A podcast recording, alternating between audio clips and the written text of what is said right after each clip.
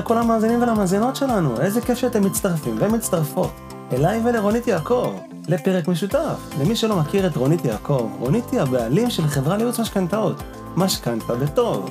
רונית, מה שלומך? איזה כיף לארח אותך כאן. תודה שאת פה. שלום מדהים, מה שלומך? בסדר גמור, איזה כיף שאת פה. איזה כיף להיות פה. את יודעת, הסיפור חיים שלנו מאוד מאוד דומה, אני חושב שאנחנו כל החיים נוגעים באותם תחומים. ההיסטוריה שלנו די זהה, שנינו עבדנו בהייטק, ושנינו למדנו ייעוץ משכנתאות, והיום זה העסק שלך, ייעוץ משכנתאות, משכנתה בטוב. כן, זה מה שאני עושה עכשיו, 100% מהזמן זה ייעוץ משכנתה. איך זה בעצם להעניק ייעוץ משכנתאות? אה, הרי יש לך תפקיד מאוד מאוד חשוב, את שומרת על הכלכלה של המשפחה, את עוזרת לאנשים בתהליך הפיננסי שלהם, לשמור על היציבות שלהם. כן, אני רואה את זה כמו שליחות כזו, לעזור למשפחות ולזוגות צעירים להתחיל את הדרך שלהם ברכישת דירה, לעשות את זה בדרך הטובה ביותר, הכלכלית ביותר, ובעצם לתת להם כלים לה, להתחיל את, ה, את החיים שלהם. איזה כלים למשל יועץ או יועצת יכולים להעניק ללקוח, שלקוח לא יכול להשיג בעצמו? קודם כל, כשהולכים לקנות בית חדש, כשזה נכס ראשון של זוג שרק התחתן או שרק רוצה לקנות בית פעם ראשונה, אז כל התכנון הפיננסי בהתחלה הוא מאוד מאוד חשוב. זה לא העיקר ללכת ולקנות בית, זה ללכת לעשות ממש תכנון כלכלי מהיום והלאה, לשאר החיים. וממש לחשוב מה יקרה עוד עשר שנים, עוד עשרים שנה. הקנייה שלנו היום, היא משפיעה לנו על העתיד. אז בעצם מה שאת מנסה להגיד לי, שבתור יועצת יש לך את היכולת להסתכל קדימה, לעזור לתכנן את המשכנתה בצורה בטוחה יותר, יותר כן, יציבה? כן, בעצם, בעצם מה שאני מכוונת אותם, זה לחשוב על העתיד תוך כדי הקנייה בהווה. זאת אומרת, לא ללכת ישר לקנות בית בגלל שזה חלום, בגלל שככה אומרים לי, בגלל שאני רוצה, לכוון אותם בעצם לעסקה שתהיה טובה להם. אז מה בעצם הופך משכנתה או עסקה לעסקה שהיא טובה? איך יודעים זה, זה, זה לאו דווקא המשכנתה עצמה, זה מעטפת הרבה יותר רחבה. זה מתחיל מבכלל אם לקנות בית ואיזה בית לקנות. איך לפי, בעצם יודעים לתכנן את זה? לפי יכולות כלכליות ולפי צרכים עתידיים. אם עכשיו אני, אה, אם זה זוג שרק התחתן ולא מתכוון בקרוב להביא ילדים, מספיק לו דירה של שניים שלושה חדרים והיכולות הכלכליות שלהם לא יותר מדי גבוהות כרגע, אז אני בונה, אני מציעה להם לקנות בית יותר קטן בהתחלה ולא ישר לקפוץ לחמישה חדרים כי בעוד עשר שנים הם מתכננים שיהיה להם עוד שניים שלושה ילדים. אז בעצם את אומרת, לוקחת איזשהו זוג שמתכוון לקנות דירה, ועוד לפני קניית הדירה את כבר מנסה לבנות אסטרטגיה שהיא מתאימה עבורם ספציפית? בדיוק, אני מעדיפה תמיד שיגיעו אליי לפני הרכישה. ברגע שלקוח בא אליי אחרי הרכישה, הכוח שלי בייעוץ הכלכלי, אם לקנות את הבית או לא לקנות את הבית, זה כבר אחרי. כי כבר בעצם הרכישה בוצעה. כי כבר רכשו, נכון. כבר יש יותר לחץ של להשיג את הכסף, איך להשיג את הכסף. הייעוץ הוא ייעוץ שונה. אבל אם מגיעים אליי כבר לפני, אז הייעוץ הוא ייעוץ מורכב. יש ייעוץ של אה, ממש לאיזה בית ללכת, לא תמיד הבית שהלקוחות שלי קונים הם בית שהם יעברו לגור בו. בעקבות הייעוץ שלי לפעמים הם קונים בית, משכירים אותו ושוכרים בית לעצמם. כלומר בעצם השירות שאת מציעה ללקוחות הוא גם שירות שהוא גם, נקרא לזה הסבר על עולם ההשקעות ואיך לקנות דירה בצורה נכונה ונבונה? בדיוק, בדיוק. כדי לא ליפול כלכלית. בואי נגיד שיש לקוח ש... או יש אדם שמחליט לקחת משכנתה בלי לרכוש את השירותים של יועץ משכנתאות או יועצת משכנתאות. זה אפשרי, זה מסוכן, מה ההשלכות של ההחלטה הזו? תראה, אני מאמינה שכל אחד יכול לקחת לעצמו משכנתה. כל אחד יכול ללכת, לשבת עם יועץ בבנק ולהיות נודניק ולשבת ולהוציא לעצמו משכנתה. השאלה אם זו המשכנתה שתהיה טובה לו. אם זו עסקה שמתאימה לו. יועץ בבנק שיושב הוא יועץ בבנק. אה, לא נקרא לזה יועץ, נקרא לזה בנקאי. שבנקאי יושב מול לקוח בבנק, יש לו איזה חצי שעה, אולי שעה לשבת איתו. זה גם במקרה הטוב, כי יש לו עוד לקוחות שעכשיו הולכים לשלם לו. אנשים שהולכים לחתום אצלו. כשלקוח הולך לבד לבנק, לבנקאי אין זמן לשבת איתו, אין לו זמן. ובגלל שאין לו זמן לשבת איתו, אז הוא עושה את הכל מאוד אה, אה, סיסטמטי. מביא לו את, ה, את הדברים שמתאימים לו, בודקים, הוא בודק את היכולות הכלכליות שלו ממש בקטנה. אני בתור יועצת, כשאני מסתכלת על יכולות כלכליות, אני מסתכלת ממש בצורה רחבה. אני שואלת שאלות, אני מבינה את הלקוח ואני ממש נכנסת לנעליים שלו. כל לקוח בשבילי זה כאילו אני, אני ממש נכנסת לדמות של הלקוח. אז אם אני רגע מנסה לפרש את מה שאת מנסה להגיד פה, בעצם כאשר לקוח או לקוחה ניגשים אלייך, את מתאימה להם את המשכנתה כמו כפפה ליד? לגמרי, אני ממש תופרת חליפה ללקוח. אין אפשרות פשוט לבנות משכנתה שהיא כללית לכולם ופשוט לקחת אותה? או שמשכנתה חייבת התאמה אישית ומדויקת? אז זהו, ש, שצריך שתהיה התאמה ללקוח. אם זה היה כזה פשוט, היינו קונים את הספר הזה, שאומר בדיוק מה לקחת, איך לקחת, ממש את השבלונה הזאת, להלביש את זה וזהו. אבל זה לא ככה. כל לקוח יש לו את הצרכים שלו. אחד רוצה אה, לגור קרוב להורים, ואין לו כסף, אחד רווק, אחד אה, נשוי, אחד גרוש. אוקיי, יש כאלה שהם לקראת פנסיה, ויש כאלה שרק התחילו לעבוד. יש כאלה שכל שני וחמישי מחליפים עבודות, יש כאלה עם הרבה ילדים, יש כאלה עם קצת ילדים. כל בן אדם יש לו אופי שונה. את הסיפור האישי שלו בעצם, את ההכנסות, את ההוצאות, את ההתנהלות, גם, גם את האופי והסיכונים שהוא מוכן לקחת במשכנתה. נכון, עד היום עשיתי מאות משכנתאות. יכולה להגיד לך שכל לקוח זה משהו אחר לגמרי. אני לא, לא חושבת שהיו לי שתי לקוחות שהיה להם אותו דבר. אולי מקרה פה דומה, שם דומה, אבל בכלליות אין דומה. לכל דבר יש את האתגר שלו ואת הדברים שלו. אחד בא, מגיע לחוץ, צריך את הכסף כבר עוד שבוע, אז, אז אלה, ויש כאלה שאומרים, אה, אני עכשיו רק מחפש בית, אז אני יודעת שיש לו לקוח, זה לקוח עוד הרבה זמן. כל לקוח הוא לקוח שונה לגמרי, לגבי האופי, לגבי היכולות הכלכליות, לגבי ה, מה שהם רוצים בכלל להשיג. מה התוכניות שלהם לעתיד, האם זה הבית ל, ל, לכל החיים, או בית רק ל... לתקופת מעבר. לתקופה, בדיוק, לתקופה שעד ש... את יודעת, יש את השנה וחצי האחרונות, והריבית במשק עלתה. מתקופה של ריבית אפסית לאורך שנים, פתאום הריבית החליטה לקפוץ במדרגות מאוד מאוד גדולות. פתאום עשינו איזשהו שינוי תפיסה, התרגלנו למשכנתאות והלוואות מאוד מאוד זולות, ופתאום הכל התחיל להתייקר. משכנתאות הרבה יותר יקרות, ההחזר החודשי עולה. יש תחושה שאנשים עומדים על הגדר, ויש סוג של המתנה בשוק. את מכירה, את מרגישה את זה? את, איך את חווה כן, את זה? כן, הרבה אנשים באים ואומרים לי, אה, האמת שלא מזמן הייתה לי שיחה עם איזה אחד, שאמר לי, תגידי לי, זה נכון עכשיו לקחת משכנתה? אז אמרתי לו, תקשיב, השאלה שאתה שואל זה לא שאלה נכונה. זה לא אם לקחת משכנתה או לא לקחת משכנתה. השאלה שאתה שואל זה אם לקנות בית או לא לקנות בית. כי לקחת משכנתה, אם אתה רוצה לקנות בית, אתה חייב לקחת משכנתה, אין לך את כל המאה אחוז מהכסף. אז השאלה היא לא אם לקחת משכנתה. כי משכנתה, אם אתה לוקח היום משכנתה, עוד כמה שנים תעשה מחזור ותקבל ריביות הרבה יותר טובות. אז השאלה אם לקנות בית או לא, או לא לקנות בית, אני תמיד אומרת, כן לקנות בית. אם אתה רוצה לקנות בית ויש לך את ההון העצמי הראשוני לקנות בית, תקנה בית.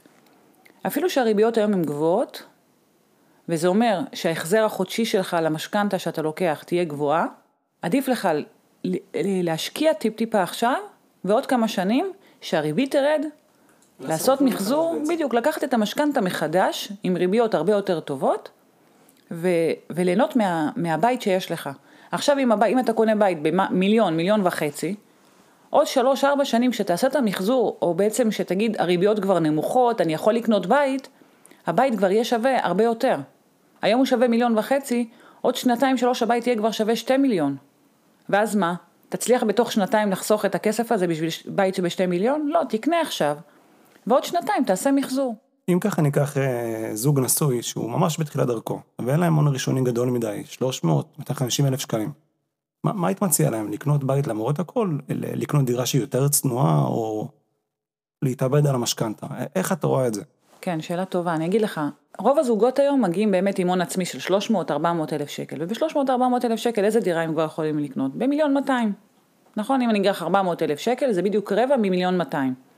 אם אין להם דרך להשיג עוד, עוד הון עצמי, הייתי מציעה להם כן, לקנות בית במיליון 200.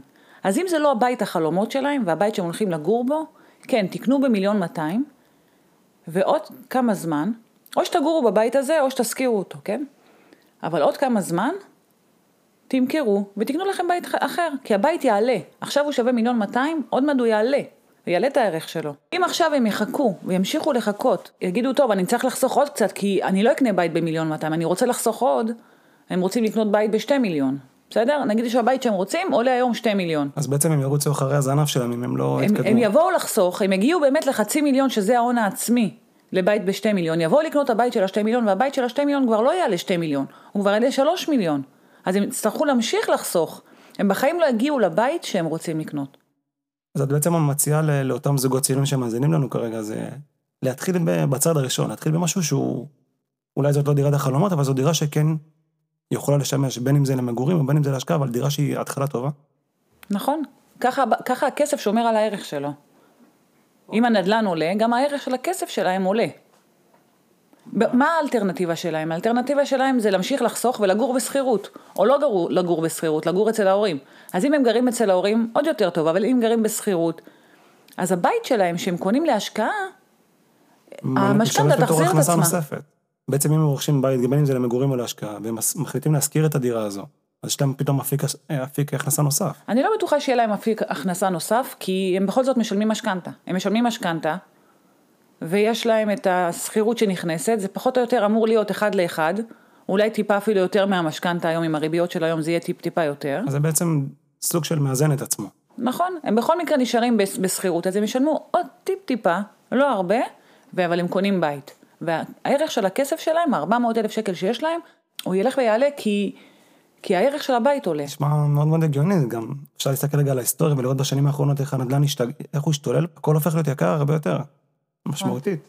אני מאמינה שהערכי נדל"ן, הערך של הנכסים תמיד עולה. עכשיו נכון, עכשיו אנחנו נמצאים בתקופה שאולי המחירים טיפ-טיפה יורדים, כי המוכרים מיואשים, רוצים כבר למכור, אז הם מורידים את המחירים. אז הם מתחילים להוריד את המחירים, ומה קורה לכל אלה שיושבים על הגדר והם מחכים שהמחירים ירדו? מחכים להזדמנויות. מחכים להסתער על ה... ממש, הם כולם מסתערים על זה. ואם עכשיו תחשבו שיש מלא מלא אנשים שמסתערים על, על הדירות, מה עושים המוכרים? מעלים את המחירים. וכאן יעלו המחירים. אז נכון, עכשיו אולי יש טיפ-טיפה ירידה, אבל הירידה הזאת היא מסוכנת, כי, כי היא, היא מזמנת את כל אלה שחיכו על הגדר. אז בעצם זו ירידה לצורך עלייה, אם אני מבין את לגמרי, דבריי. לגמרי, לתור, לצורך עלייה משמעותית. אני מאמינה שתהיה קפיצה גדולה. אז בעצם לפי ראות עינייך, כרגע יש איזושהי עצירה בשוק הנדל"ן, כי אנשים ממתינים, מחכים ל... לרגע הזה שפשוט מוכרים, ייאלצו למכור את הדירות שלהם במחיר נמוך יותר, כי יש להם לחץ אה, מהבנק או לחץ לקנות דירה אחרת, וברגע שהמחירים טיפה ירדו ברמה סבירה, פשוט תהיה הסתערות לדע... לדעתך. אני בטוחה, בטוחה. אני כבר עכשיו מתחילה להרגיש בהתעוררות הזאת, שאנשים הולכים לקנות דירות, הרבה אנשים כבר חיכו מלא זמן, ועכשיו מתחילה התעוררות של אנשים שהולכים ממש לקנות דירות. הם רואים שהמחירים טיפה יורדים והם מתחילים לי- ממש ללכת ולחפש דירה שמתאימה להם ולהוריד את המוכרים. הכי מסוכן זה באמת למכור לפני שאתה קונה. כי אם בן אדם עכשיו הלך, מכר את הבית שלו, ובינתיים מחכה ומחפש בית אחר ואומר אני אחסוך בינתיים, זה הכי מסוכן. כי הוא מכר את הבית, הוא נשאר בלי כלום, נשאר עם קצת הון עצמי, ומחפש את הבית שעוד מעט יעלה, הערך שלו יעלה. רגע, אבל יש פה גם מצב הפוך שהוא מסוכן. כלומר, אם אני קודם כל קונה דירה, לפני שאני מוכר את שלי, אני עלול להגיע למצב שאני צריך לשלם כסף. על הדירה שרכשתי, ואני איך לממן אותה. אז איך יודעים בעצם לאזן בין קודם כל למכור או קודם כל לקנות? כן, זה... כי זו סיטואציה מסוכנת ומפחידה בעצמה. פה, פה אתה צריך להפעיל באמת אה, שיקול דעת. אני תמיד מציעה לעשות את, את שני הדברים במקביל. ממש לשבת אפילו עם מתווך שישב ויעזור לך לקנות ולמכור אה, במקביל. גם העורך דין שכותב את החוזים צריך להיות גם לרכישה וגם למכירה, בש, בשניהם, כדי שהתזרים מזומנים יהיה אה, שווה בשניהם, שלא יהיה מצב באמת שיהיה חוסר ולא יהיה לנו איך לשלם למי שמכר לנו. אז בעצם את אומרת לאסוף את האנשי מקצוע הכי טובים שיש, את המתווך, את העורך דין, את היועץ, אני לא יודעת אם הכי טובים, אבל כאלה שמקצוענים. שיהיו טובים עבורנו. שיהיו מקצוענים ושיהיו מהתחום. אני הרבה פעמים ישבתי עם אה, לקוחות שבאו אליי לייעוץ משכנתה, והגעתי למצב שאני מייעצת להם מה, מה לרשום בחוזה. בחוזה רכישה. ובחוזה מכירה. כי יש לך כבר ניסיון, זה אפיקים שהם מאוד מאוד נוגעים אחד בשני, אז כבר את מכירה את הדברים החשובים. את יודעת, אני רואה כל מיני אנשים שמתייעצים בפייסבוק עם אה, כל מיני אנשים שלקחו משכנתאות, איך לקחת משכנתה ואיך לתכנן אותה. ולפני שנה וחצי אה, הותר להתחיל לקחת אה, משכנתה בריבית של שתי שליש פריים. ואני אומר לעצמי, הרבה אנשים פשוט הסתערו על האפשרות לבנות תמיל עם החזר חודשי מאוד מאוד נמוך, שהוא צמוד לריבית הפריים. ועכשיו, אחרי שהריבית עולה, פתאום אנשים משלמים על זה מחיר מאוד מאוד גבוה. כי ההחזר עולה, המשכנתה לא יציבה. מה היית אומרת לאותם אנשים שבוחרים להיעזר באנשים בפייסבוק רנדומליים, ופשוט לקחת משכנתה לפי העצות שלהם? תראה, זה לא רק אנשי, אנשים מהפייסבוק, או אנשים מה, מהמדיה. זה גם יועצים. גם יועצים עושים את השיקולים האלה ולוקחים גם שני שליש פריים. אבל זה תלוי אני מקרה. מאמינה, אני חושבת שברגע שבן אדם, שלקוח מתכוון לקחת איזשהו תמהיל אחד כזה או אחר, הוא צריך להבין בדיוק מה הוא לקח. לא יודעת אם ברמה של אה, של מספרים וריביות, אף אחד לא, לא מצפה. להכיר את השפה. הוא לא צריך לדעת מה זה אומר ריבית, והוא לא צריך לדעת, הוא לא צריך כל כך לדעת אה, בצורה מתמטית, אבל הוא כן צריך להבין את המשמעות של עלייה, של סיכונים. מה קורה אם יש עלייה בריבית? וכשלקחו את השני שליש פריים, אני מאוד אוהבת את הפריים. אני מאוד, מאוד אוהבת את ריבית הפריים. מאיזה סיבות? יש למסלול הזה כמובן הרבה יתרונות. אני מאוד אוהבת את היתרונות שיש בריבית הפריים. הוא מאפשר אה, לבצע מחזור משכנתה, בעצם סילוק המסלול מבלי לשלם קנסות. נכון. הוא בדרך כלל הרבה יותר זול משאר המסלולים. אני לא יודעת אם, עכשיו הוא כבר לא הכי זול. עכשיו הוא, הוא דווקא המרכיב הכי יקר במשכנתה. כרגע, כי הריבית יותר גרועה. אבל מה שאני אוהבת בריבית הזאת, שבמסלול הזה, שככל שהזמן עובר, הקרן יורדת. כל חודש אתה רואה, שהקרן, אתה, רואה שאתה אתה משלם, והסכום יורד. גם קבועה לא צמודה באותו, באותו אופן, גם הוא הולך ויורד. הבעיה היא שבקבועה לא צמודה... הריבית הרבה יותר יקרה. לא, דווקא היום היא אפילו יותר אה, זולה, גם פה. אבל אם עוד שנתיים, שלוש, תרצה לעשות מחזור, והריביות יהיו נמוכות, בקבועה לא צמודה אתה הולך לספוג... קנס סיוון. בדיוק, קנסות מאוד גבוהים. תוכלי רגע להסביר מה הסיבה שבכלל יש קנס מהסוג הזה? מה, מה הסיבה שיש קנס סיוון כאשר ממחזרים, מסלקים את מסלול הקל"צ? כן. הבנקים אומרים דבר כזה, אני נותן לך הלוואה בריבית של, סתם לצורך העניין היום, חמישה אחוזים. ואתה מתחייב לבנק למשך 30 שנה בריבית חמישה אחוזים. שהיום, סתם לדוגמה, זה ריבית מצוינת. עבר שלוש שנים, ארבע שנים, ופתאום אתה מסתכל ואתה רואה שהריבית אפשר לקבל אפילו שלושה אחוזים. כולם מקבלים שלושה אחוזים, ואתה תקוע עם החמישה אחוזים שלקחת לפני שלוש שנים. אז אתה הולך לבנק ואתה אומר לו, אני רוצה להחליף אותה בשלושה אחוזים. אני רוצה להחליף. אז הבנק לא רוצה להיות פראייר, רגע, אתה התחייבת לי ל-30 שנה לריבית של חמישה אחוזים.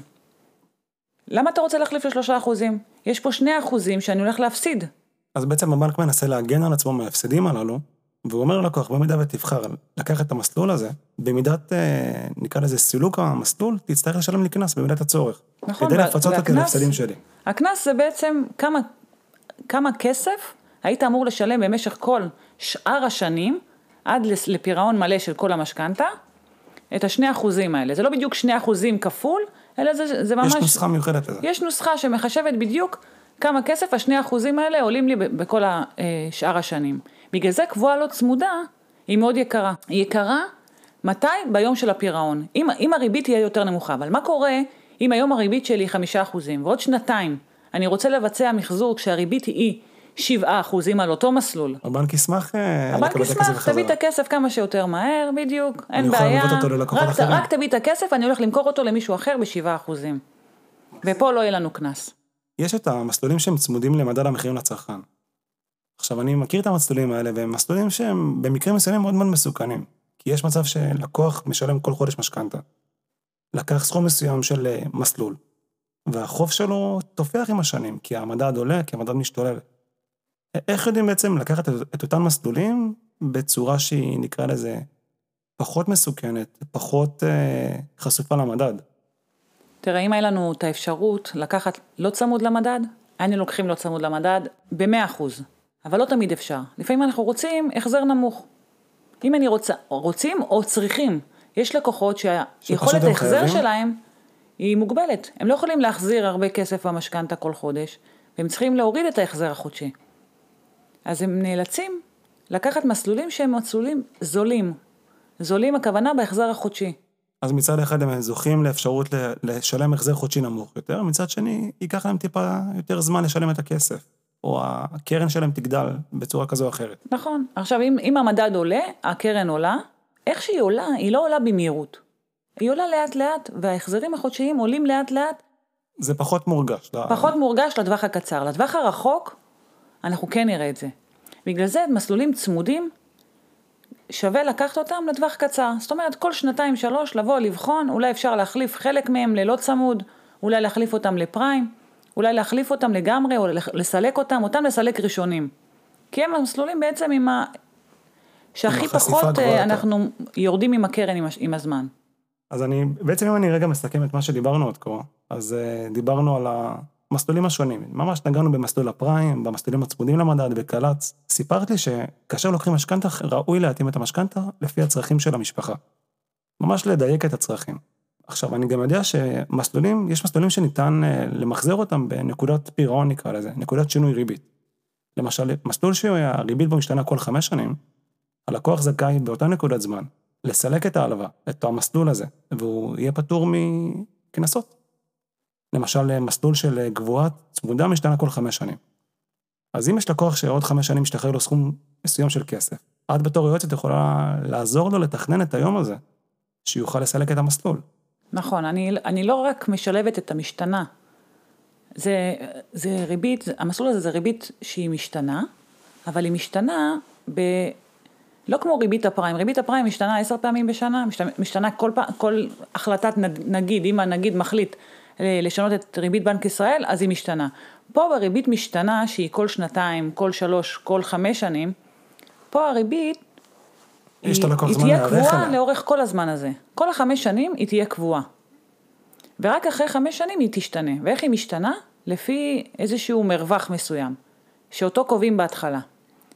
עכשיו, אלה שלקחו משכנתה לפני חמש שנים, אה, הם קיבלו ריבית מאוד נמוכה. היום הריבית היא גבוהה. אז בעצם כאשר המועד של הריבית שלהם הולך להתעדכן, ההחזר החודשי שלהם הולך להתעדכן בהתאם לריבית החדשה. נכון, וכל מי שעכשיו לקח משכנתה לפני חמש שנים, שייקח בחשבון שעכשיו בשלב השינוי של הריבית, בנקודה בעצם שהריבית משתנה אצלו, תהיה לו קפיצה משמעותית במשכנתה. מה, מה התפנציה לאותם אנשים שהריבית... להיות ערניים, אנשים שלוקחים ריבית משתנה, שיעשו להם איזושהי תזכורת, שיסתכלו אל הדואר שמגיע מהבנק, ולהיות ערניים לאותה ריבית, לאותו אה, מסלול של הריבית משתנה. אפשר להתכונן ליום הזה? יש, יש דברים שאפשר לעשות אה, לקראת היום שהריבית עולה? כן, בטח. אפשר ללכת, לשבת עם בנקאי או עם יועץ, רצוי עם יועץ, אבל גם עם בנקאי, ולשבת ולתכנן איך אפשר להחליף את, ה, את אותו מסלול, אם צריך, כן, במסלול אחר, מסלול יותר זול. לנסות לעשות את זה אה, חכם. ממש לחשוב על היום הזה. ולהתכונן חודשיים לפני כן, להסתכל, לראות מה המגמה של השינוי של הריבית, לשבת עם אנשים שמבינים, ו... ולתכנן את זה, ממש לתכנן את המשכנתה. ממש כמו תוכנית עסקית לעסק, אה, עסק משפחתי אפשר לקרוא לזה. לגמרי, זה... לגמרי. זה ממש תוכנית, בגלל זה אני אומרת שהתפקיד של היועץ זה ממש לעשות תכנון פיננסי מהיום עד לסוף חיי המשכנתה. ואם אתה אומר שצריך להשתחרר קרן השתלמות, שהקרן השתלמות היא מיועדת למשכנתה, לכספי משכנתה, אז כן, לבנות את המשכנתה בצורה כזאת שהכספים האלה באותה נקודה לא יהיה לנו קנסות. או מינימום קנסות. אז כלומר, בתור יועצת, את מסתכלת, ב, נקרא לזה, בראייה מאוד מאוד רחוקה לעתיד. לראות פתאום אם התא המשפחתי הולך לגדול, אם, אם ילדים הולכים, ל, לא יודע, להתגייס לצבא, או, או כל שינוי בעצם במשפחה עלול לשנות את הכל בתמונה. נכון, גם אם יש ילדים קטנים עכשיו, אז ההוצאות גדלות, יש גנים, גנים עולים מאוד יקר. ואם אני יודעת שעוד שנתיים, שלוש, הגנים ייפסקו, הם לא מתכוונים להביא עוד ילדים, אז יהיה להם יותר כסף. אם אני יודעת שה... עוד כסף פנוי הכוונה. ואם אני יודעת שהולך להיות לו עלייה בשכר, עכשיו הוא סיים ללמוד, לימודים, והולכת להיות לו עלייה בשכר, גם היא סיימה לימודים וגם לה הולכת להיות עלייה בשכר. הילדים גדולים, הולכים לצבא, מתחתנים, עוזבים את הבית, הבית מתפנה, יש פחות הוצאות, השכר עולה, גם פה אני מתכננת אותו דבר. אז אה, אני אומר לעצמי, אם אני רגע משווה את הייעוץ הפרטי, את ייעוץ המשכנתאות העצמאי שאפשר לבצע, לעומת ייעוץ שהוא בנקאי, אז אין פה בכלל ספק שעדיף רגע להשקיע רגע כמה רגעים, לפנות לייעוץ פרטי ולתכנן משכנתה בצורה נבונה. נכון, מעבר לזה גם, מעבר לייעוץ הכלכלי, יש פה גם, יש פה גם ליווי. בכל תהליך המשכנתה צריך ליווי, מישהו שיסביר לך מה לעשות, איך לעשות, איך לבנות, כמו שאמרתי קודם, איך לבנות את, ה, את החוזה רכישה, אם יש, איך, איך לבנות את החוזה מכירה. ממש לשבת וללוות אותם צעד אחר צעד עד לקבלת הכסף. וגם כשמקבלים את הכסף, איך, איך כל התהליך, מאז שחתמת בבנק עד שאתה מקבל ממש את הכסף, זה גם עוד תהליך. וזה דברים שאנשים הולכים לאיבוד, והם הולכים לבד לעשות את זה. Yeah. כי לבנקאים אין זמן, אין זמן ואין את הכוח אה, להתעסק עם הדברים האלה. יש להם מלא לקוחות, יש להם את החיים הפרטיים שלהם, את החיים האישיים שלהם. זה, מבחינתם זה עבודה, זה לא עסק. זה משכנתה, לוקחים את זה ממש לעצמם, כאילו זה המשכנתה של עצמם. אז בעצם יועץ משכנתות הוא מעין שותף, שמחזיק אותנו יד ביד ומלווה אותנו מההתחלה עד הסוף, עוד אפילו לפני הרכישה של הדירה. וגם אחרי שלא נקבל את המשכנתה, היועץ עדיין יכול להיות איתנו בקשר ולבדוק שהמשכנתה טובה, ואם צריך, עושים טיפה שינויים ותיקונים. כן, יועצים בדרך כלל נשארים בקשר עם הלקוחות שלהם גם אחרי. ברגע שנותנים אה, מסלולים שהולכים להשתנות בעתיד, הם יוצרים קשר עם הלקוח ומתריעים את זה בפניו. יש לנו, אני עושה לעצמי תזכורות, אני יודעת בדיוק מתי הולך להשתנות הריביות של הלקוחות שלי, ואני אומרת להם ואני מייעצת להם, אם אני יודעת שהולך לפרע להם כסף שתכננו, שעלו, שצריך להיכנס לתוך המשכנתה, אני אה, מתקשרת אליו ואני מדברת איתו על זה. ממש ככה, זה ליווי לכל החיים. אז נשמע שה... שכל התהליך המקיף הזה נותן המון המון ערך מוסף. כן, זה, זה ביטחון, זה ביטחון, זה ממש ביטחון, לדעת שאתה עושה את, את, את הצעד הזה כשיש מישהו, בעל מקצוע, שמלווה אותך. אז אם אני רגע אנסה לנסח את המילים שלך לפי מה שאני מבין, יועץ, יועץ משכנתאות או יועצת משכנתאות, הם בעצם נותנים ערך שהוא שווה ערך לביטחון. אנחנו מקבלים פה ליווי צמוד, מקבלים פה את היכולת לתכנן את העתיד הפיננסי שלנו בצורה שהיא הרבה יותר יציבה ובטוחה. אנחנו חוסכים המון המון זמן, מדברים עם מישהו שמדבר בשפה שלנו ומתרגם את השפה הבנקאית, השפה שלנו. אם נבחר באסטרטגיה הזאת של לגשת ליועץ, אנחנו גם נחסוך הרבה כסף, כי נחתום על משכנתה שמתאימה לנו.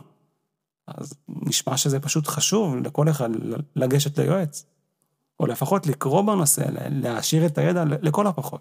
נכון, נכון. אני, יש לי אה, סרטון שאני שולחת ללקוחות שלי לפני פגישה, ששם אני מסבירה להם ב-20 דקות מה זה המשכנתה שהם הולכים לקחת, שלפני הפגישה הם באים עם קצת מושגים, הם קצת מבינים מה זה אומר הריביות, מה זה אומר ההצמדה, מה זה אומר כל מסלול, שהם יבואו עם קצת מושגים של הפגישה. ככה שכשאני אדבר, אז הם ידעו פחות או יותר על מה אני מדבר. לי זה נשמע מאוד מאוד ברור, הגיוני, כי אני מגיע מהתחום הזה, אני אומר לעצמי, אבל יש אנשים שפשוט ניגשים לבנק וחותמים על המשכנתה הראשונה, שה... על התמיד הראשון שהבנקאי או הבנקאית מציעים להם. ואחרי זה הם פשוט, אין להם מושג מה קורה עם המשכנתה, הם לא בודקים אותה, זה, זה כמו, לא יודע, זה מבחינתי לזלזל ב... ב... לזלזל בעצ... בעצמי, כאילו, אם אני מתעלם מזה. זה הרבה אנשים שבאים אליי למחזור משכנתה, אני מסתכלת על המשכנתה שלהם, אני רואה משכנתה עם סיכון, 100% סיכון. ואני יודעת בדיוק מה הלקוח ביקש מהבנקאית שהוא ישב מולה. והוא השיג באמת ריביות טובות, ריביות זולות, אולי אפילו הכי זולות בשוק, אבל זה לא אומר כלום, כי מעבר לריבית, יש גם את המסלולים שאתה לוקח. יכול להיות שהוא ישב מול הבנקאית ובאמת עשה משא ומתן והלך ועבר בין הבנקים והוריד את הריבית וקיבל ריביות מצוינות, אבל הכל בסיכון גבוה.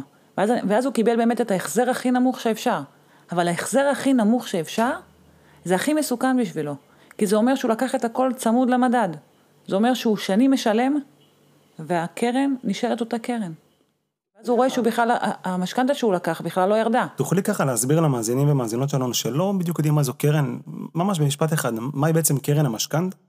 כן, קרן המשכנתה זה בעצם הכסף שאני לוקחת מהבנק. אם אני הולכת לבנק לקבל מיליון שקל משכנתה, המיליון שקל זה קרן. כל חודש מחזירים את המיליון שקל האלה. איך אנחנו מחזירים? מחזירים חלק מהמיליון וחלק מהריבית.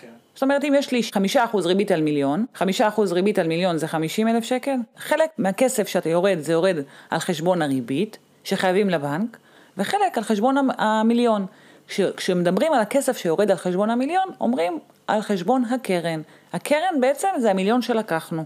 וככל שהזמן עובר, אנחנו צריכים לראות אם לקחנו מיליון בהתחלה, עבר חודש, אני צריכה לראות פחות ממיליון, כי אני חייבת פחות ממיליון. אם הקרן, אם בעצם כל המיליון, שזה הקרן, צמוד למדד. אז מה זה בעצם מדד המחירים לצרכן, ואיך הוא יכול להשפיע על ההלוואה שלנו? זהו, אז, אז מדד המחירים לצרכן, לאורך השנים, הוא כל הזמן עולה. זאת אומרת, זה מספר, זה איזשהו מספר שעולה. אם אנחנו נלך לסופר ואנחנו נקנה סל מוצרים, ונשלם עליו אלף שקל היום, ואנחנו נלך עוד שנה, ואנחנו נקנה את אותו סל מוצרים, את אותה עגלה, ואנחנו נלך לקופה, אנחנו נשלם הרבה יותר כסף. למה? כי המדד עלה. זה ממש אותו דבר. המדד מושפע מה, מה, מהמחירים שיש לנו בשוק. זה על ביצים, זה על חלב, זה גם על נדל"ן, גם על דלק, הכל עולה. את יודעת, אם אני רגע חוזר לילדות שלי, כשאני הייתי ילד, אה, ונניח רכשתי מנת שוארמה, הייתי משלם עליה 20 שקלים, 30 שקלים ואני מגזים. לא, פחית 30 שתייה. לא, היה 20, היה 16. כן, היום תקנים על הצ'וארמה, או תשבי במסעדה, את לא, לא סוגרת את החשבון, ואני מדבר בעמידה, לא במסעדה או משהו כזה.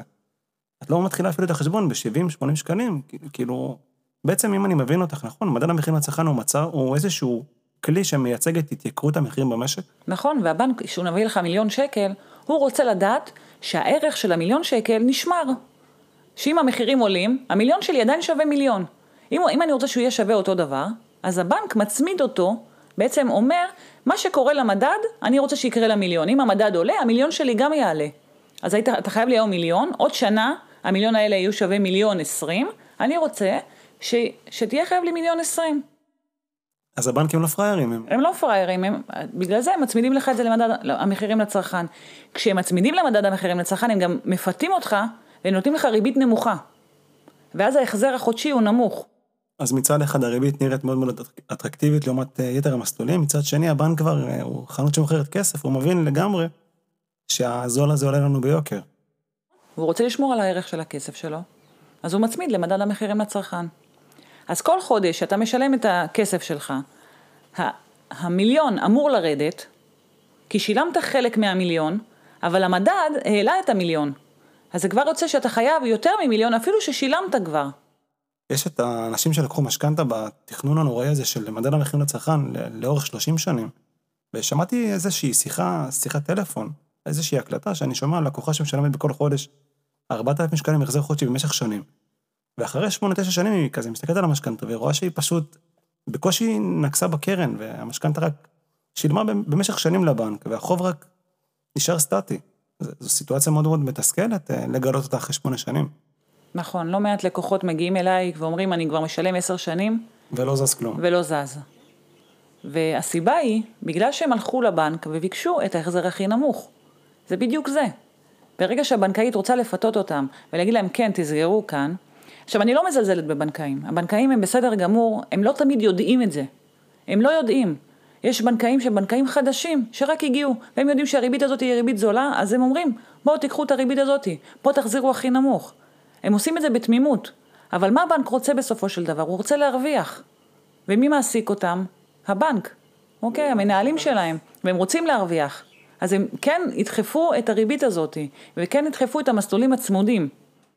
אני לא מאשימה אותם, בסדר? אבל אני אומרת שכן צריך לקחת יועץ שהוא חיצוני לבנק, שייתן את הייעוץ היותר אה, יותר נכון יותר. ויותר אמיתי. בעצם יועץ הוא דמות ניטרלית, שהמטרה שלה היא להגן עלינו מפני הבנק. לוודא שאנחנו משלמים מחיר הוגן עבור הכסף שלנו. זהו, זה לא בדיוק ניטרלי, כי ניטרלי זה לא פה ולא פה. אני לצד הלקוח, וכשיושב מולי הלקוח אני בשבילו, אני מהצד שלו. אני לא, אני לא מנטרלת אותי ממנו, אני מנטרלת אותי מה, אותו מהבנק, ואין לי שום זיקה לשום בנק, אני עובדת עם כל הבנקים, וכשאני יודעת שהלקוח הזה יותר מתאים לו בנק כזה או אחר, לשם אני מכוונת. אני יכולה לכוון את הלקוח ישירות לבנק שמתאים לו. כי אני בצד של הלקוח, אני לא בצד של הבנק. יש לי חברות שהן בנקאיות, מפנה אליהן לקוחות, אנחנו כבר חברות והכול, אבל כשמדובר בעסקה, אני מדברת, אני קודם כל הלקוח, אחר כך החברות. נשמע שאת מעניקה שירות נפלא ללקוחות שלך. את, לא רק שאת מגינה עליהם, את גם דואגת שהם יחתמו על המשכנתה הטובה ביותר. את בוחרת עבורם את הבנק שיתאים לצורך שלהם. את שומרת על לקוח, ואת דואגת שהמשכנתה שלו תהיה משכנתה בטוב. נכון? שהמשכנתה בדיוק. תהיה טובה עבורו. נכון. לא סתם אני משכנתה בטוב. מאיפה בעצם הבחירה של השם הזה, משכנתה בטוב? מה, מה גרם לך להגיע לשם המיוחד הזה? אה, ישבתי עם כמה חברות, וחשבנו על שם, משהו שיתאים, ועשינו mastermind כזה. ברגע שחברה אחת אמרה את השם הזה, אמרתי, זהו, זה זה, שם נפלא. כן. אני מתחברת אליו ממש. טוב, חברים, תודה רבה לרונית יעקב ממשכנתה בטוב. תודה רבה על כל הטוב וכל העצות הטובות שהענקת לנו בפרק הזה. שמחתי לראיין אותך. לפני ככה שנסיים את הפרק, אני ממש אודה לך, אם תוכלי לתת למאזינים שלנו ולמאזינות טיפ שילך איתם לאורך הדרך. אני אומרת ככה, בן אדם שמתגרש לא הולך ל- לרבנות עם העורך דין של הגרושה שלו. הוא לוקח עורך דין משלו. אל תלך לבנק כשמי שמייעץ לך זה הבנק. קח מישהו חיצוני, מישהו משלך.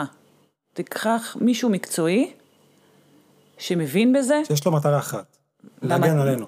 והמטרה בדיוק זה אתה, זה הלקוח.